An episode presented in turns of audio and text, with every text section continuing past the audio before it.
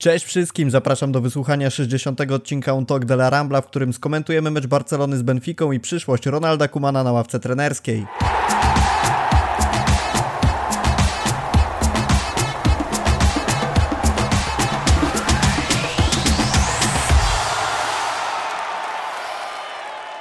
Obecny sezon Barcelony jest obfity w debiuty różnych zawodników i taka sama sytuacja ma miejsce u nas. Dariusz Maruszczak, witamy serdecznie. Pierwszy występ w Untok de la Rambla.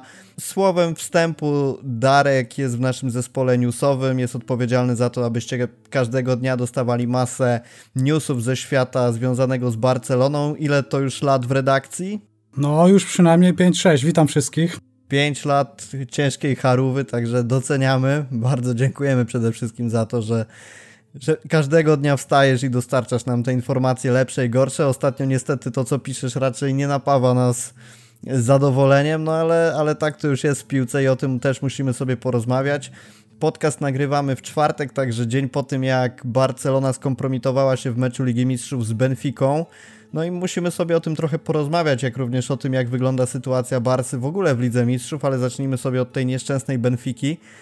Może zaczniemy od tego, jak w ogóle podchodziłeś do tego meczu, bo wiemy, że Bayern to Bayern i tutaj raczej cudów nie mogliśmy się spodziewać, nawiązując no też jasne, do tego, jasne. co często mówi Kuman ale Benfica jednak pomimo swojej dobrej formy oczywiście w tym sezonie jest takim rywalem, którego Barcelona powinna odprawić z jakimś dobrym wynikiem i, i przypisać sobie te trzy punkty po 90 minutach, a tu się okazuje, że jednak drużyna z Lizbony wygrywa i to nawet nie tyle wygrywa, ale kompromituje Barsę.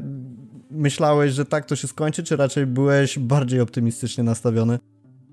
Wiesz co, po tym meczu z Levante, myślę, że nie tylko mi tak naprawdę, e, no nabrałem większych nadziei generalnie występ Ansu Fatiego, który przecież był tak, e, tak ważny dla nas, jego powrót, nie? Więc miałem zdecydowanie większe oczekiwania po tym meczu, no to nie ma, nie ma, nie ma co ukrywać. Myślałem, że ten mecz będzie jednak inaczej wyglądał, mimo tego, że przecież poprzednie spotkania też wyglądały kiepsko. I z Granadą i z Cadizem to był dramat. To trzeba powiedzieć wprost. No ale te Levante wlało trochę nadziei w moje serce, no i oczywiście się zawiodłem, bo nadzieja jest matką głupich, jak wiadomo. Niestety i w tym sezonie spodziewam się, że naszą matką będzie często, ale, ale patrząc na to, jak wygląda sytuacja, to też, też coraz rzadziej z tygodnia na tydzień.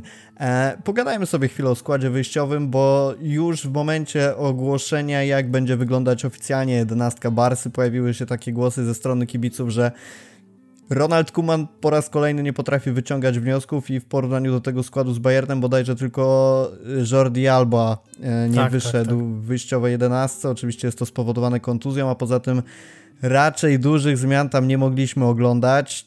Jak w ogóle mamy do tego podchodzić? Czy, czy sądzisz, że Kuman po prostu widzi potencjał w tej 11, którą wystawia i, no, i, i, i, liczy, że to będzie ta 11, która będzie no, zdobywać tytuły, to może nie, ale chociaż chociaż prezentować się w miarę dobrze, czy po prostu w tym momencie nie mamy większego pola manewru i, i to jest jedenastka, którą trzeba wystawiać tak naprawdę.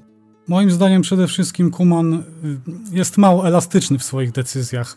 On, jeżeli się na coś uprze, to już ciężko mu odejść z wybranego szlaku. Właśnie, czy, czy możemy coś zmienić? No myślę, że możemy, no bo y, mieliśmy mecz z Levante, w którym świetnie pokazali się nasi dwaj wychowankowie, Gavi i Nico. E, ja osobiście byłem w szoku, że ani jeden z nich nie znalazł się w wyjściowym składzie. Było to dla mnie dość oczywiste, no bo po tak świetnym występie, takim występie, który właśnie też rozbudza te nadzieje w kibicach, wydawało się, że to będzie dobre rozwiązanie, chociaż jednego z nich utrzymać w składzie. No ale niestety wybiegł, tak jak wspominałeś słusznie, ten sam skład, e, co w meczu z Bayernem, poza tym Jordim Albą. Ten sam skład, który zawiódł, ten sam skład, który zaprezentował się bardzo słabo, więc ten brak elastyczności u Kumana jest no na pewno rzeczą, która wpływa na niego bardzo, bardzo negatywnie na jego postrzeganie. A jeżeli chodzi o atak, bo Niko i Gavi to jestem jeszcze o tyle w stanie zrozumieć, że okej, okay, oni się prezentują nieźle, tylko w pewnym momencie dochodzi do wniosku, że to jest Liga Mistrzów i może wystawianie ich nie jest najlepszym pomysłem ze względu na brak doświadczenia, chociaż to oczywiście jest złudne, no bo mamy Sergiego Roberto, który doświadczony jest bardzo, a piłkarsko wnosi bardzo niewiele, ale powiedzmy, że w jakimś tam w jakimś tam jednym procencie jestem w stanie zrozumieć, dlaczego Niko i Gavi usiedli na ławce, ale ciekawi mnie twoje podejście do naszego ataku, czyli Luke de Jong i Memphis. No Memphis wiadomo, będzie grał choćby nie wiem co, ale co sądzisz o Luku? Wiesz co, myślę, że trzeba to spojrzeć trochę z takiej szerszej perspektywy, ponieważ mamy dwóch napastników i to jest w zasadzie tyle, jeżeli chodzi o atak. Tu nie ma jakiegoś oskrzydlania. Y, system, na który się zdecydował Kuman, z piątką y, obrońców de facto, no bo Roberto i Desto są obrońcy mimo wszystko, przy takim ustawieniu, to wtedy nie, atak praktycznie nie ma żadnego wsparcia, tak naprawdę. I zostaje ci sam Depay, który no jest, ma swoje wady, trzeba powiedzieć. On ma duże możliwości, ale jest też dość chaotyczny w swojej grze. No i masz Luka de Jonga, po którym ciężko spodziewać się czegokolwiek tak naprawdę i który po raz kolejny udowodnił, że dawanie mu tak dużych szans, jakie daje mu Kuman, jest w zasadzie kompletnie irracjonalne, no bo gość wchodzi na boisku, on zaliczył chyba z 10 kontaktów z piłką chyba do momentu zejścia z boiska. Zmarnował kolejną stuprocentową szansę, bo to jest jego druga taka okazja w Barcelonie, gdzie ma praktycznie pustą bramkę przed sobą i nie potrafi jej wykorzystać. No i ciężko, żeby taki atak miał zafunkcjonować, gdzie masz w zasadzie tylko Depaya i De Jonga. Co Depay może zrobić z De Jongiem? No niewiele są w stanie razem skórać. Tam nie ma jakiejś gry wzajemnej, no. Ciężko tu znaleźć jakieś powiązania, które by mogły stworzyć, stworzyć jakieś dogodne okazje bramkowe. Właśnie to jest dla mnie zastanawiające, bo De Jong został sprowadzony po to, żeby stricte wywiązywać się z zadań, z jednego zadania, jakim jest strzelanie bramek, a, a tak naprawdę przy stuprocentowych sytuacjach, bo ja kojarzę co najmniej dwie, z tym, że mam wrażenie, że przy drugiej był spalony, jeżeli dobrze pamiętam, no ale nieistotne, no nawet jeżeli bierzemy pod uwagę tę jedną sam na sam, którą miał i którą zmarnował, to jakby ma tak nisko zawieszoną poprzeczkę, jeżeli chodzi o oczekiwania i nadal nie potrafi jej przeskoczyć. To jest po prostu coś niesamowitego i nawet jeżeli spojrzymy na to z takiej perspektywy, że ok, nie strzela goli, ale może coś dodaje, coś wnosi na to boisko, no nie, no tak jak mówisz, 10 kontaktów z piłką i to, jak on się w ogóle porusza, to jak odgrywa, czy próbuje odgrywać, no dla mnie to jest, to, to, nawet nie chodzi o to, że on na boisku nie daje nic, ale wręcz zajmuje miejsce komuś, kto mógłby wejść i, i jakoś lepiej wykorzystać tę okazję. No, teraz mi przychodzi do głowy, że nie zarejestrowaliśmy Kojado do, do pierwszej drużyny. Ja jestem przekonany, że gdyby ten chłopak grał i miał szansę od Kumana, tym bardziej, że jego jakby celem na ten sezon była gra w Lidze Mistrzów, nawet biorąc pod uwagę wypożyczenie, więc teraz mamy taką absurdalną sytuację, że mówimy o beznadziejnym meczu w, Lidze Mistrzów, gdzie brakowało ludzi w ataku, a, a Kojado gdzieś tam się szwenda na boiskach treningowych zupełnie bez sensu, zamiast coś wnosić. Oczywiście też nie mówię, że on byłby zbawicielem Barcelony, no ale, ale na pewno dałby więcej niż De Jong w ataku. No tego jestem przekonany, szczerze mówiąc, patrząc po tym, jak wyglądał jego sezon w Barcy B.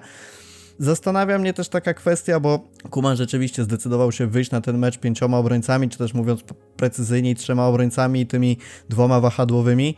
I zastanawia mnie po prostu od dłuższego czasu, co trenerzy, czy stricte Kuman widzi w wystawianiu De Jonga na pozycji wahadłowego, yy, nie De Jonga, oczywiście Roberto na pozycji wahadłowego, bo w momencie jak yy, Roberto grał na prawej obronie, no to w tym ataku dawał praktycznie nic. Widzieliśmy takie mapy jego podań, no to rzeczywiście większość podań na drugiej połowie to było wycofanie piłki i, i tyle z tego było.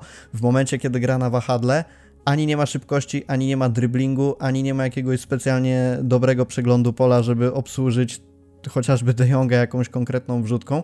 I tak naprawdę jest to marnowanie potencjału na skrzydle, gdzie no jak sam Kuman zauważa, tych skrzydłowych nie mamy za dużo, a jeszcze wystawia tam Roberto, co jest już w ogóle pozbawione sensu i mnie się wydaje na przykład, że dużo lepszym rozwiązaniem byłoby wystawienie Mingezy na tej pozycji i po tym jak spisywał się w ostatnich meczach przede wszystkim już nie mówię o tym jak tam wyglądają liczby, czy jakaś celność podań i tak dalej, i tak dalej. Po prostu Mingeza wydaje się być zawodnikiem dużo bardziej dynamicznym niż Roberto i na tym prawym skrzydle po prostu zrobiłby większy wiatr, a z drugiej strony mamy Desta i tu mi się przypomina taka sytuacja, która miała miejsce za złotych czasów Barcelony dawno, dawno temu, kiedy na bokach obrony występował Abidali Dani Alves. To oczywiście jest sytuacja w ogóle nie do porównania pod względem jakości tych piłkarzy, to jest oczywiste, ale dużo się mówiło o tym, że Dani Alves był właśnie takim piłkarzem, który wychodził bardzo wysoko, który był zaangażowany w atak i w ogóle i tak dalej, a Abidal był tym bardziej stonowanym, który, który raczej zostawał z tyłu i nie było takich symetrycznych ataków, że Abidal i Alves wychodzili, tylko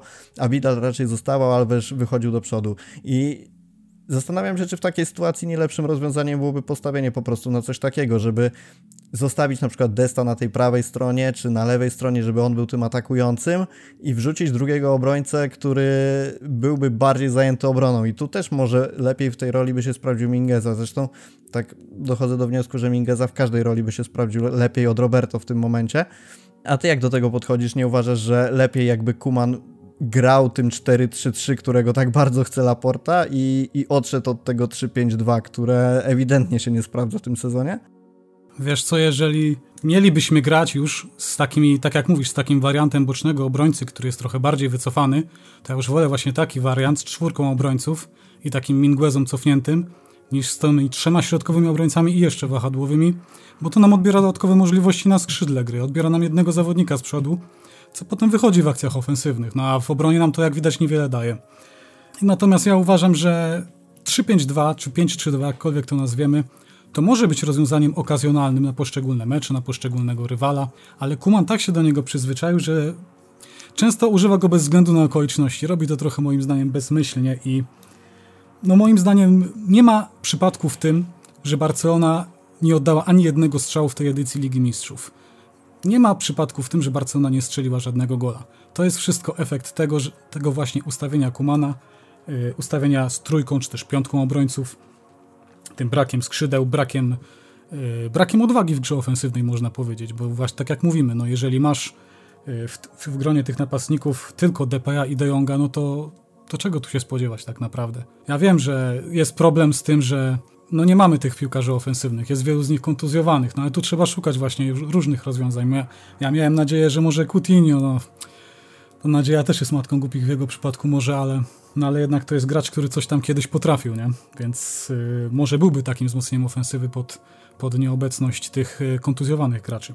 I właśnie ten Kojado, to przede wszystkim ten Kojado, o którym mówiłeś, bo to jest bardzo słuszna uwaga moim zdaniem, warto się nad tym pochylić, ponieważ zawodnik został praktycznie odsunięty od od składu. Nie ma, nie ma go nigdzie w tej chwili, tak? On sobie gdzieś tam kopie, sobie trenuje, a tak jak wspomniałeś słusznie, on mógł być bardzo wartościowym e, wzmocnieniem drużyny. E, szczerze mówiąc, jak oglądałem go w meczach Barcy B, to moim zdaniem był piłkarzem, który zrobił największy postęp w rezerwach i po prostu zasłużył na tę szansę w pierwszym zespole. No, mimo że jest trudna sytuacja, to on tej szansy i tak nie dostaje, co jest kompletnie niezrozumiałe, zwłaszcza jeżeli musimy co mecz oglądać takiego pana jak Luke de Jong to, co wspomniałeś o tym potencjale ofensywnym, to jest trafne, ale ja się w tym wszystkim zastanawiam, że mówimy tutaj, że brakuje nam zawodników do oddawania strzałów, że, że Dembele jest kontuzjowany, Aguero i tak dalej, ale na koniec dnia my mówimy o tym, że Barcelona przez ponad 180 minut meczów nie oddała celnego strzału. To w ogóle jest absurd, no bo jakby kogo my chcemy rozliczać z tego oddawania strzałów? No okej, okay, Memphis załóżmy, że się zatnie, ale przecież jeszcze mamy, no powiedzieć 10 to za dużo, ale 9 zawodników, którzy też mogą, czy to po wrzutkach, czy to z dystansu, czy to po jakichś driblingach oddać ten strzał. Nie mówimy tutaj o jakichś niekonwencjonalnych rzeczach i golach z 30 metrów po okienku, tylko mówimy o oddaniu celnego strzału i to jakby najbardziej chyba potęguje to, w jakiej sytuacji jest obecnie Barsa. Natomiast nie mamy problemu z tym, żeby bramki tracić, co pokazujemy bardzo regularnie. I moje pytanie do ciebie o Erika Garcia, bo transfer, który mnie szczerze mówiąc zaskoczył. Ja rozumiem, że on jest wychowankiem i, i to, że chciał bardzo przejść do Barcelony, wrócić do Barcelony de facto, to, to wszystko jest piękne i szlachetne. Tylko z drugiej strony Guardiola na niego nie stawiał i to był duży znak zapytania, kiedy Garcia przychodził do Barsy jeszcze innej strony, no jest to zawodnik, na którego Luis Enrique w kadrze stawiał jak najbardziej. I zastanawiałem się, jak będzie wyglądać jego początek w Barcelonie, a na razie wygląda tak, że trochę prześmiewczo widzi się go jako zawodnika, który doskonale wyprowadza piłkę, ale niekoniecznie dobrze broni, co jest dosyć dużą wadą, jeżeli chodzi o obrońcę. Zawalił pierwszą bramkę, czy raczej możemy tę winę podzielić pomiędzy jego, Pikę i pewnie gdzieś Terstegena? Moim zdaniem bramka wynika w zdecydowanej większości z błędu Garcia, który dał się ograć w zasadzie dwa razy, no bo najpierw go wyprzedził Nunes na szybkości, z którą ma Eric Garcia gigantyczne problemy z każdym szybkim piłkarzem, co będzie miało swoje konsekwencje też na pewno w przyszłości, no bo Barcelona gra wysoko ustawioną linią obrony i taki wolny zawodnik, tak przegrywający pojedynki może być e, dużym problemem dla zespołu. Jeżeli chodzi o błąd, to myślę, że oczywiście Piqué też mógł gdzieś tam szybciej zareagować w asekuracji. Natomiast dziwi mnie zachowanie trochę Ter Stegena, bo on tak już któryś raz, gdy zawodnik atakuje ze skrzydła schodząc do środka, On tak trochę za bardzo zostaje właśnie w centrum bramki, nie przesuwa się do tej strony i po raz kolejny dostaje piłkę właśnie po krótkim słupku. Nie wiem, jak ty na to patrzysz? Uważasz, że to jest błąd Ter Stegena? Ja szczerze mówiąc, ze wszystkich pozycji, jakie znam na boisku, to bramkarza pozwolę sobie oceniać najmniej, bo też najmniej miałem styczności z tym, ale powiem tak, no, był taki moment w karierze Tersegena, że wyciągał wszystko, co się dało. Część z tych sytuacji, które wyciągał, były łatwe do obrony, część były niemożliwe do obrony, a część wymagały po prostu cudów, żeby je wyjąć. I jak Barca traciła bramkę, to już znaczyło, że naprawdę przeciwnik musiał się bardzo postarać, żeby tę bramkę strzelić, bo po pierwsze tam, żeby przejść obronę to jedno, ale gdzieś zawsze był też Stegen, który wyjmował, tak jak mówię, rzeczy po prostu niesamowicie trudne i niemożliwe do, do obrony, a teraz jest tak, że w zasadzie większość strzałów, no może nie większość, no bo statystyka pewnie pokaże co innego, ale bardzo duża liczba strzałów, która idzie w światło bramki po prostu wpada i Ter Stegen w żaden sposób w tym nie pomaga. Ja się spotkałem z taką ciekawą opinią, że on bardzo dużo stracił na swojej formie po przez te operacje kolan i kontuzje, że już nie ma takiego, nie jest tak bardzo elastyczny, dynamiczny, może lepsze słowo to jest dynamiczny i gdzieś jakby zatracił te, te swoje zdolności, szybkość i tę umiejętność rzeczywiście wyciągania tych niemożliwych piłek.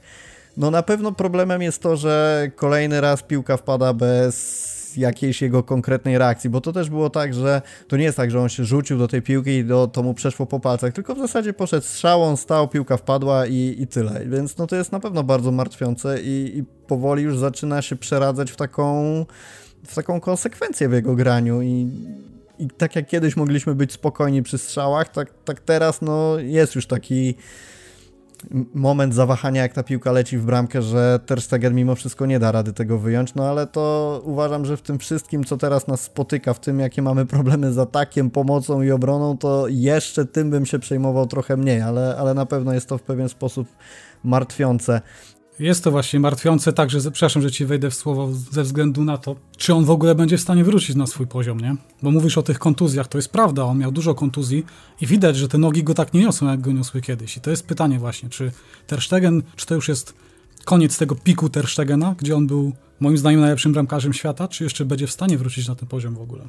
Ja szczerze mówiąc myślę, że nie do końca i przede wszystkim zdrowie, po drugie psychika i to, że jak wychodzi, to wychodzi. On szedł na takiej fali, że rzeczywiście na wielkiej pewności siebie bronił i to mu na pewno bardzo pomagało. A teraz nie mówię, że będzie słaby, ale nie wróci już na taki poziom, gdzie był nie do pokonania. Takie mam wrażenie. Oczywiście chciałbym, żeby było inaczej, ale no też powiedzmy sobie szczerze, ten problem z Terstegenem nie trwa od tygodnia, dwóch czy od miesiąca, tylko już znacznie dłuższego czasu i nie ma takich symptomów, które wskazywałyby na to, że, że on do tej formy wróci.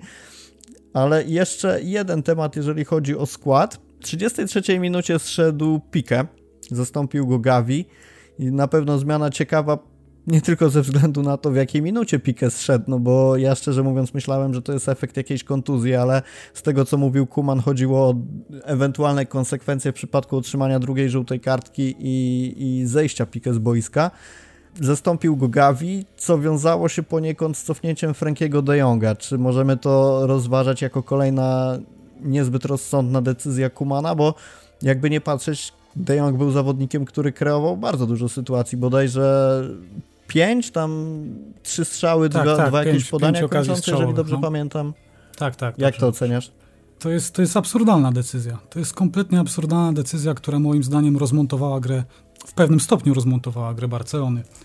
Tak jak mówisz, no, Franki był bardzo aktywny w ofensywie. Moim zdaniem zagrał jeden z najlepszych meczów w ofensywie od dłuższego czasu. Nadawał gdzieś w pewnym sensie tą tej grze, bo pokazywał się na pozycjach, wypracowywał sytuację. To właśnie on podawał przecież do Luka de. No niestety zmarnował ją. Znaczy zmarnował Kuman tą okazję, żeby wykorzystać y, dobrze, y, dobrze dysponowanego Frankiego. No, to była właśnie taka mało elastyczna, kolejna taka mało elastyczna decyzja Kumana, która pokazała, że on jest, że on jak już się uprze na jakiś schemat, na jakiś system, to już go nie zmieni. I będzie, i mimo, że Franki gra dobrze w środku pola, mimo, że ta gra jakoś tam wygląda, to to on jednak e, wpuści zamiast Piketego kolejnego obrońcę. No i moim zdaniem to bardzo przeszkodziło w grze Barcelony. Można powiedzieć nawet, że podcięło jej skrzydła i no to jest kolejna taka decyzja, która sprawia, że mecz oceniamy negatywnie w dużej mierze pod kątem decyzji trenera. A że Franki gole potrafi strzelać, to udowodnił już poprzedni sezon, kiedy w pewnym momencie był naszą najlepszą dziewiątką. No dobra, to w takim razie czego możemy się spodziewać po Barcelonie w dalszej przygodzie z Ligą Mistrzów? Ile w ogóle ta przygoda potrwa? Bo wynotowałem sobie z artykułu, który jest na naszej stronie, nawet wydaje mi się, że ty go y, zamieściłeś, że takim pierwszym krokiem do tego, żeby Barcelona awansowała, wyszła z grupy, jak to w ogóle brzmi, wyszła z grupy, gdzie my kilka sezonów temu jakiś półfinał uznawaliśmy za absolutne minimum. Niezbędne będą dwa zwycięstwa z Dynamem. E, Dynamem, które w tym sezonie Ligi Mistrzów przegrało 0 do 5 z Bayernem i zremisowało 0-0 z Benficą. Jednocześnie drużyna z Camp Nou musi liczyć, że Benfica nie odbierze punktów Bayernowi. To już się zaczynają takie trochę spekulacje, co by było gdyby, no ale, ale powiedzmy gdzieś mamy taką ogólną wizję tego, że Barcelona po pierwsze nie jest w takiej bardzo komfortowej sytuacji, znajdując się z y, zerowym dorobkiem bramek, zerowym dorobkiem punktów na ostatnim miejscu w grupie. Zaczynają się już powoli kalkulacje, jak to będzie wyglądać, te matematyczne szanse, które my, my Polacy lubimy się tak bardzo raczyć przy okazji meczów reprezentacji Polski. Z drugiej strony statystyki Dynama w Lidze Mistrzów są dużo, dużo gorsze niż statystyki w Lidze Krajowej. Tam Dynamo ma na 9 meczów 8 wygranych, 1 remis i przy 25 golach strzelonych jedynie 2 stracone, więc jest to coś analogicznego do sytuacji, w jakiej jest Benfica, bo też mówiliśmy przed meczem z Benficą o tym, że jest to drużyna, która naprawdę bardzo dobrze spisuje się w lidze portugalskiej i ja tak się zastanawiam, jakie szanse Barca ma na to, żeby z grupy wyjść w tym momencie, jakie szanse ma na to, żeby z Dynamem powalczyć. No bo też patrząc na historię meczów z Dynamem, to mamy tych meczów 4, dwa były w Lidze Mistrzów w sezonie 0-9-10, tam 2-0 i 2-1 wygrane i w 20-21, 2-1 i 4-0 wygrane. To są liczby, które napawają nas poniekąd optymizmem, no ale sytuacja Barsy w tym sezonie jest dużo gorsza. Jak sądzisz, możemy się spodziewać tego, że będziemy oglądać Barsę w Lidze Europy albo nawet skończy na czwartym miejscu, czy, czy raczej wyjdziemy z tej grupy? Trudno mi sobie wyobrazić, szczerze mówiąc, Barcelonę w Lidze Europy. No, kiedy ostatnio Barcelona grała e, w Pucharze UEFA chyba jeszcze na początku, e, na początku tego stulecia. Tak jak mówisz, zazwyczaj myśleliśmy, czy będzie pierwsze, czy drugie miejsce. Zazwyczaj było to pierwsze. E, a teraz musimy się drżeć o awans. No to jest, to jest w ogóle coś, coś, coś niespotykanego, coś niemożliwego. I w ogóle rozkminiamy, czy możemy pokonać Benfikę i Dynamo Kijów. No to jest, to jest uwłaczające w pewnym sensie, no ale trudno taka jest sytuacja. No i nie jestem przekonany, czy my to będziemy w stanie zrobić. Czy Barcelona będzie w stanie e, wygrać dwa mecze z Dynamem Kijów, wygrać e, z Benficą przy takiej postawie. To jest oczywiście jak najbardziej możliwe i myślę, że Barcelona będzie jednak faworytem tych meczów, niezależnie od tego, co się wydarzy w przyszłości z zmianą trenerów i tak dalej. No ale trudno mi to sobie wyobrazić, bardzo trudno mi sobie wyobrazić Barcelonę grającą w Lidze Europy, no ale trzeba, trzeba się przygotowywać, że to jest możliwe po tych po tych dwóch spotkaniach, zwłaszcza, że Benfica będzie miała przewagę e, bezpośredniej rywalizacji po wygranej 3-0, więc tak jak pisałem w tym artykule, o którym wspomniałeś, 3 do 0 to jest taka naprawdę już potężna zaliczka przed e, kolejnym spotkaniem w przypadku właśnie utrzymania takiego samego e, dorobku punktowego. No trzeba liczyć na Bayern, że Bayern sobie poradzi z Benficą. No wiadomo, to też jest takie, tak jak mówisz, takie wróżenie z fusów w tym momencie. No nie wiemy, jakie, jakie nastawienie będzie miał Bayern. Bayern gra ostatni mecz z Barceloną, no i nie wiemy, jak będzie podchodzić, czy wystawi rezerwy i tak dalej. Pewnie z rezerwami by było nawet nam ciężko. Właśnie w tym wszystkim jeszcze warto wspomnieć, że czeka nas rewanż z Bayernem i tak jak zawsze ja starałem się podchodzić do meczów z takim przeświadczeniem, że to jest piłka i wszystko może się wydarzyć. Tak gdybym teraz miał oceniać nasze, nasze szanse w meczu z Bayernem, to one nie są jakieś zaskakująco wysokie. Zresztą to nie może dziwić tych, którzy słuchają tego podcastu, no bo jakby to nie jest kwestia formy w danym dniu, tylko tego, że Barcelona jest po prostu drużyną co najmniej dwie półki niżej w tym momencie niż Bayern, czy to, czy to pod kątem formy, czy pomysłu na grę, czy samych takich yy, personaliów, no bo jak sobie spojrzymy na skład Bayernu czy skład Barcelony, to, to robiąc jakieś tam zestawienie na każdej pozycji prawdopodobnie wygrałby Bayern. No może znaleźlibyśmy na siłę jakąś sytuację, kiedy rzeczywiście ktoś na plus byłby w Barcelonie, ale trudno byłoby o to.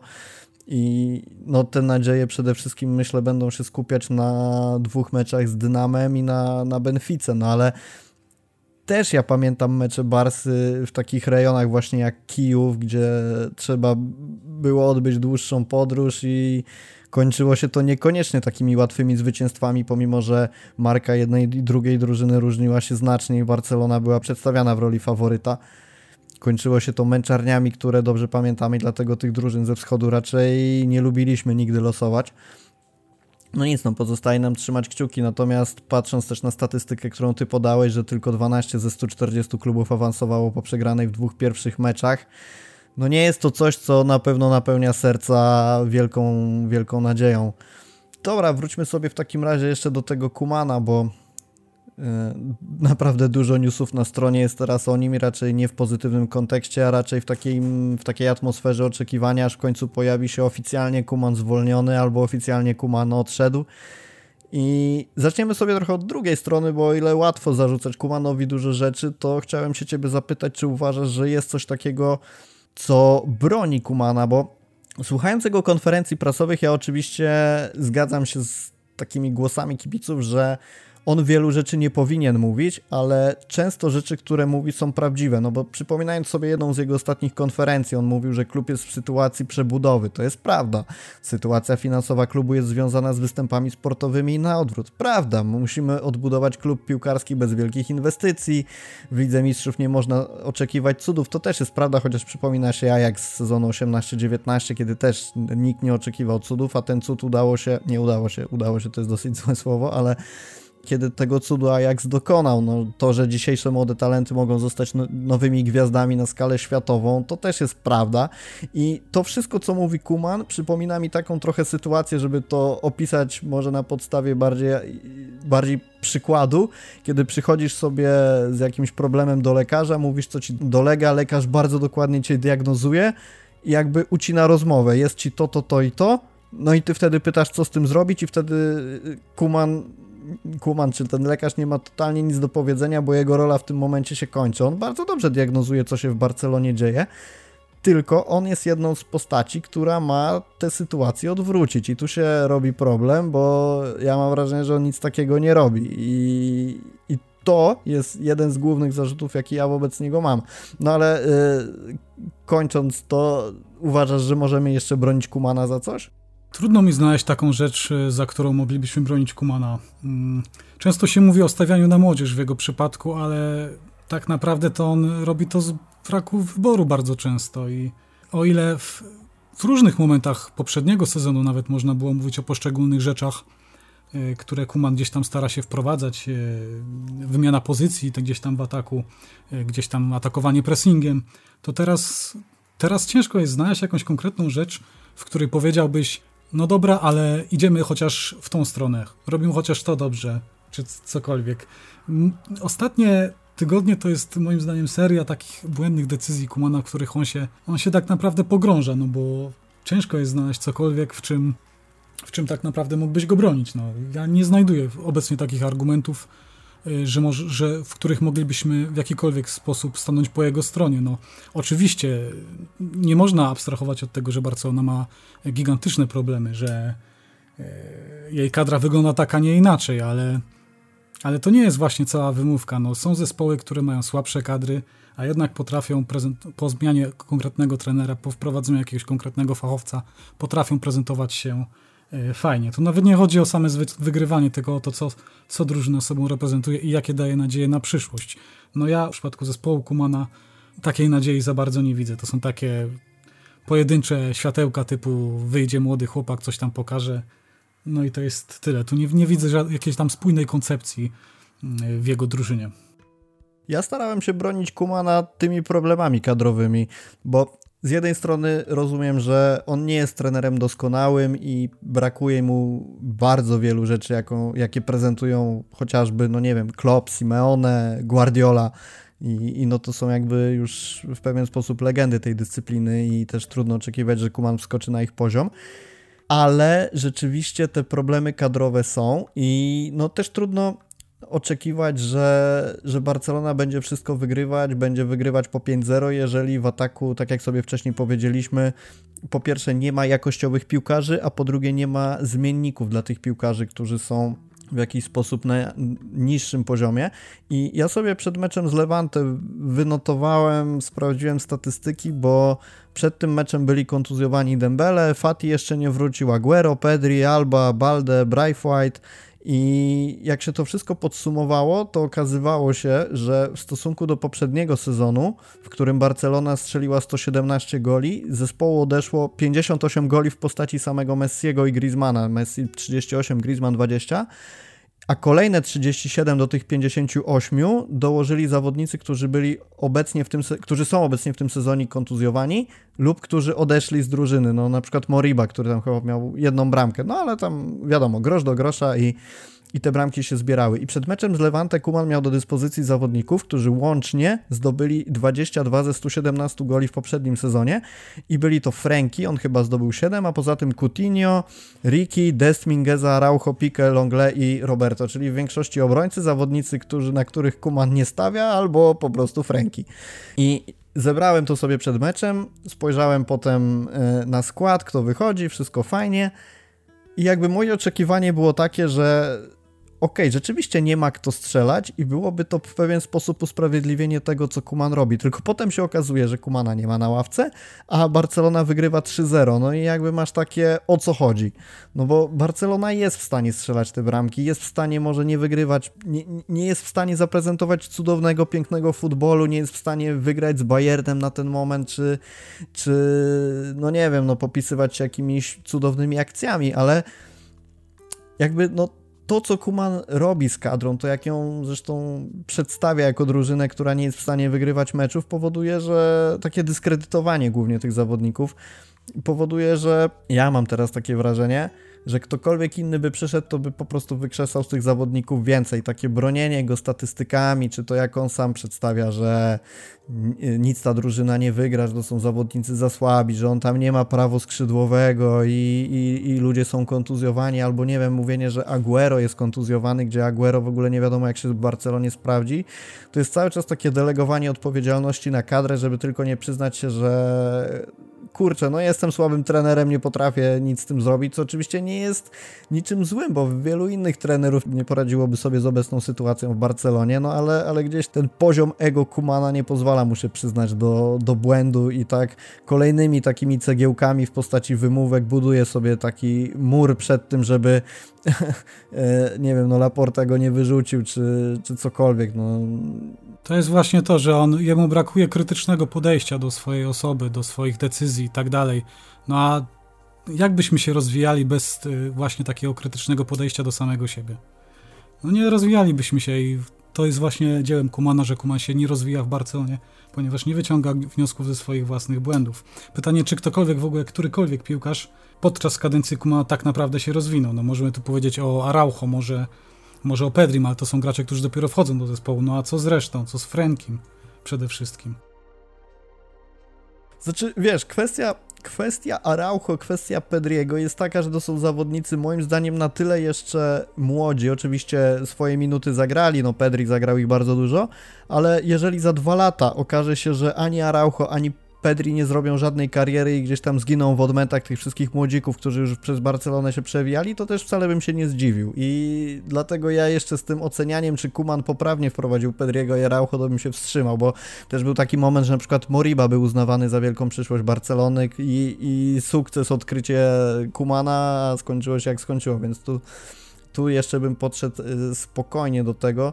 No i, no i generalnie to zarzucanie całej kadrze, że oni się do niczego nie nadają, że oni są winni. Tak, to jest problem. To jest problem, bo to jest strasznie demotywujące dla zawodnika. Nie wiem, jak, jak w ogóle trener może wypowiadać takie słowa względem swoich piłkarzy. Trener powinien ich bronić i motywować przed osiąganiem kolejnych celów, a nie ich demotywować. No to strasznie psuje atmosferę w zespole.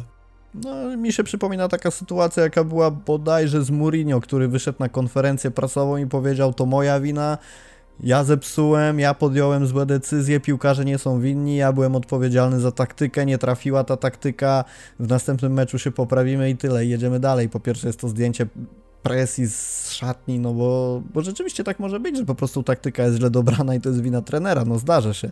Jakby trener też człowiek, ale ja się zastanawiam, jaka jest w ogóle, jakie jest zrozumienie szatni wobec Kumana, no bo gość wychodzi na konferencję, mówi, że no z tymi zawodnikami nic nie osiągniemy i potem przychodzi do szatni i co mówi? No chłopaki walczymy, no jakby ja się nie otarłem o wielkie futbolowe szatnie, ale jestem w stanie sobie wyobrazić, że w tym momencie po pierwsze nikt mu nie wierzy, a po drugie dlaczego ja mam walczyć za takiego trenera? Po co? Po pierwsze on we mnie nie wierzy, po drugie zaraz odejdzie. No, no, no właśnie, nie, to, też się to też można odnieść do relacji z Laportą, który jest przecież takim człowiekiem, który stara się e, budować raczej pozytywny wizerunek e, klubu i takie nadzieje wzbudzić w kibicach. Nie ma u nas sezonów przejściowych i tak dalej, nie? Te jego słynne słowa. No a tymczasem Każda wchodzi jego będzie trener miała konsekwencje. I... Tak, tak, tak, dokładnie. A potem wychodzi jego trener i mówi, no nie, no nie możemy wygrywać, no gdzie? No jak my awansujemy do tej Ligi Europy, jak, jak awansujemy? Jak zajmiemy to trzecie miejsce, które da nam grę, grę w Lidze Europy, to ja sobie nie wyobrażam, że mi Kuman wychodzi i mówi mi, że to nie są już te czasy, my nie możemy walczyć o sukces w Lidze Europy. No to tak też może być. A Łania Włady Kauskas to już nie ma słabych drużyn. No, to jest tak ten, ten poziom dyskutowany. A w takim razie, kiedy spodziewasz się zwolnienia Kumana, bo wydaje się to dosyć nieuniknione i kto może zająć jego miejsce według ciebie? No wszystko wskazuje na to, że Kuman poleci już w trakcie przerwy reprezentacyjnej, no ale samo jego zwolnienie nie będzie prostym zadaniem, no bo mamy tutaj po pierwsze właśnie kwestie finansowe, yy, dużą odprawę, no mówi się o 12-13 milionach euro w obecnej sytuacji, to nie jest dla klubu od tak wydanie sobie takiej kwoty, Także no, nie będzie to proste pod tym względem, zwłaszcza, że możemy zatrudnić y, trenera za, według doniesień hiszpańskich mediów, za około 3-4 miliony euro, więc wraz z całym sztabem trenerami bramkarzy, fizjoterapeutami i tak dalej, więc y, pod tym względem to nie będzie łatwe. Nie będzie też łatwe pod tym względem, że nie ma konsensusu tak naprawdę, jeżeli chodzi o y, przyszłego trenera. Mówi się głównie o Szawim, o Roberto Martinezie, o Andrei Pirlo, co jest dla mnie w ogóle szokujące, że, że takie, takie doniesienia z Hiszpanii do nas płyną. Ostatnio pojawiło się właśnie nazwisko Marcelo Gallardo, no ale to też jest, to, to już nie pierwszy raz się pojawiło nazwisko Argentyńczyka, ale nie wiem, czy, czy, czy to by było dobre rozwiązanie dla Barcelony. Moim zdaniem, jeżeli ja miałbym wybrać ten dla Barcelony, no to najlepszą opcją byłby oczywiście Xavi, który by przywrócił ten styl, którego, którego na Camp Nou wszyscy oczekują, który przynajmniej próbowałby ten styl e, wprowadzić. Nie wiem, jakby to wyglądało w tym, e, w tym składzie osobowym.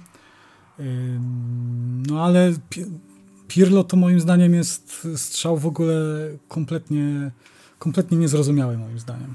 Ja przed zatrudnieniem Pirlo mam takie samo wrażenie jak przed zatrudnieniem Kumana. To znaczy, że jest to człowiek, który ma być takim momentem przejściowym w drodze do zatrudnienia Szawiego, kiedy jeszcze trochę ta drużyna się zmieni, jeszcze trochę tych młodych wejdzie, może jakieś transfery po drodze, może ta starsza część drużyny zakończy kariery bądź odejdzie do innych klubów. Mam na myśli Busquetsa, mam na myśli Pique, może Roberto i wtedy Szawi przyjdzie i będzie miał trochę, no nie chcę powiedzieć, że czystą kartę, ale nie będzie aż tylu jeszcze nawiązań do tych czasów, kiedy grał w Barcelonie jako piłkarz.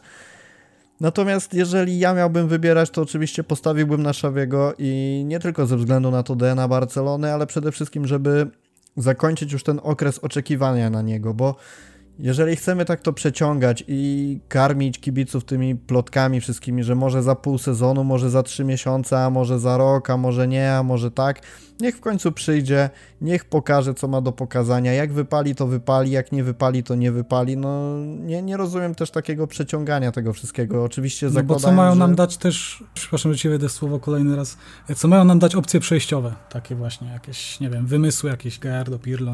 Jeszcze z ciekawych nazwisk to pojawił się Erik ten Hak, też nie po raz pierwszy i to może jeszcze byłoby w miarę ok, no ale tak, też tak. wszyscy patrzą na niego przez ten pryzmat bardzo dobrego sezonu za Ajaxem, później już nie było tak kolorowo, oczywiście tam zmieniła mu się kadra, odeszli zawodnicy, wszystko, wszystko wiadomo, ale jeszcze z tych wszystkich pomysłów to rzeczywiście, rzeczywiście Erik ten Hak byłby ciekawym rozwiązaniem. Jeżeli chodzi o takie postaci, które się pojawiają, Jordi Cruyff, no, no, Henri też, też kompletnie nie. No, myślę, że nie możemy w tym momencie liczyć też na takie postaci jak Conte, no nie mówiąc już tutaj o Klopie czy Guardioli, bo to jest w ogóle jakaś abstrakcja. E, Roberto Martinez, no nie jestem przekonany, czy człowiek, który przychodziłby ewentualnie, no bo też nie wiemy, czy, jakie są jego zamiary i czy chciałby w ogóle przyjść, ale zakładając, że chciałby i by przyszedł, to nie wiem, czy selekcjoner kadry dobrze by się sprawdził na stanowisku trenera klubowego, co też pokazał przykład Kuman. chociażby Kumana. Tak jest. A co sądzisz na temat Garcji i Pimienty na przykład? Który oczywiście został zwolniony przez Laportę, ale tak hipotetycznie po prostu rozmawiając między Czy, nami. wiesz co, tu, tu jest taka konfrontacja trochę poglądów między tym, że z jednej strony Pimienta nie potrafił wprowadzić Barcelony B na wyższy szczebel e, ligowy, a z drugiej strony, że znakomicie znał młodzików i potrafiłby nimi zarządzać i też miał dobre rela relacje z zawodnikami, był taki charakterny. I ja sądzę, że na pewno byłoby to lepsze rozwiązanie niż te wszystkie wymysły w postaci Cruyffa, Pirlo i całej reszty. Jest to człowiek, który zna klub, szanuje klub, kocha klub pewnie w jakimś stopniu i no też, też wiedziałby, jaki kurs mógłby nadać temu wszystkiemu, też oczywiście biorąc pod uwagę, że zna tych młodych zawodników i wie, co z nimi zrobić, jak oni się spisywali w rezerwach. No myślę, że na, jeżeli mielibyśmy na to patrzeć tylko pod kątem sportowym, trenerskim, no to, to byłoby to drugie po Szawim rozwiązanie, które ja bym rozpatrywał. Natomiast też, no nie bez powodu Laporta go wyrzucił z klubu i sądzę, że możemy sobie rozmawiać o tym, że jest to fajne rozwiązanie, ale koniec końców Laporta chce mieć tu swojego człowieka, który odetnie się w pewien sposób od tego, co było i jednak Pimienta w żaden sposób nie przyjdzie, no niestety. A ty jak patrzysz na Pimienta? No ja właśnie nawiązałem do niego, bo dla mnie to jest chyba taka jedyna opcja zastępcza, którą bym ewentualnie zaakceptował poza Szawim, także no tutaj się nie pokłócimy, bo jestem podobnego zdania, że najchętniej zobaczyłbym właśnie Szawiego, a jako taką opcję przed Szawim można powiedzieć, skoro już nie mamy innych możliwości, no bo te możliwości też są bardzo ograniczone, także ze względu na kontrakty innych trenerów e, ze swoimi obecnymi klubami czy też reprezentacjami, to właśnie Pimiętę bym widział, no ale no Laporta, jak widać, e, od początku nie pałał do niego zbyt dużym entuzjazmem. No, ja, dla mnie decyzja też o zwolnieniu Pimięty była dość dziwna, bo ja uważam, że piłkarze robili pod wodzą Pimięty, mimo tego, że, właśnie, mimo, mimo tego, że nie awansował, robili u niego duży postęp, czego najlepszym przykładem są właśnie Kojado, Gavi, nie Gavi, tylko Niko, który też, też świetnie gra w poprzednim sezonie, a także inni piłkarze, którzy teraz e, dopiero czekają na swoją szansę, jak Komas, jak Balde na przykład, czy Manaj, który poszedł do Serie A. Nie masz wrażenia, że Laporta nie chce zatrudnić Szawiego, bo tym samym musiałby trochę przyznać racji Fontowi. Ja pamiętam, jak, jak y, Laporta podczas jakiejś tam konferencji, debaty yy, wypominał Fontowi, że jedyne co on ma w planach to Szawi, Szawi, Szawi. Tak powtarza te Szawi, Szawi, Szawi, aż w końcu przychodzi moment, kiedy Laporta musi zmienić trenera i pierwszym pomysłem jest to, na czym jego główny kontrkandydat Y, opierał całą swoją kampanię i zastanawiam się, czy być może to nie jest główny powód, dla którego jednak tym pierwszym wyborem ma być Pirlo, no bo jednak Laporta oczywiście za Barceloną stoi murem, ale to jest przede wszystkim polityk, który w jakiś sposób ten swój e, pomnik, to może dużo powiedziane, ale wizerunek buduje. Z pewnością Laporta jest taką postacią, która lubi tak wyciągać e, królika z kapelusza i pokazać się jako taka osoba ekscentryczna, która jest w stanie rozwiązywać problemy e, dzięki swoim autorskim pomysłom, więc no jest to oczywiście bardzo prawdopodobne. No dobra, w takim razie czekamy na rozwój sytuacji, a na mecz z Atletico nie zapatruje się jakoś z wielkimi nadziejami, a mówi się o tym, że to ma być mecz kolejnej, ostatniej szansy dla Kumana, pomimo, że on nie poprowadzi drużyny z ławki trenerskiej w tym meczu, ale no, wiadomo jak to wszystko wygląda i wiadomo, że za, za grę, chociaż z ławki odpowiedzialny będzie Schroeder, to, to tym wszystkim i tak w pewien sposób zarządza Kuman, czy to przez telefon, czy na treningach. E, ja, ja w tym wszystkim jeszcze chciałbym zwrócić uwagę na jedną rzecz na sam koniec, że przyjście nowego trenera według mnie to nie ma być manewr, który nagle odwróci wszystko, co się dzieje w Barcelonie. My nie zaczniemy w moment wygrywać, nie zaczniemy czarować nie będziemy drużyną, która z miejsca zacznie bić się o finał Ligi Mistrzów, ale główną zmianą, jaką chciałbym zobaczyć, to jakiś pomysł na nadanie zmian tej drużynie. To znaczy, w tym momencie to, co robi Kuman, to już nawet nie jest stagnacja formy, tylko jakaś degradacja i jest to poparte nie tylko sportowym poziomem, ale też takim PR-owym, mentalnym, tym, tym co robi w szatni. I szczerze mówiąc, nie miałbym nic przeciwko temu, żeby nowy trener przegrał 0-3 z Bayernem i 0-3 z Benficą, jeżeli widziałbym w tym coś, co przemawiałoby, że za rok, nie, niech będzie taki okres, że za rok Barcelona wyszłaby na ten Bayern z pomysłem taktycznym podwodzą nowego trenera z zawodnikami, którzy wiedzą jak się biega i wiedzą jak się kopie piłkę.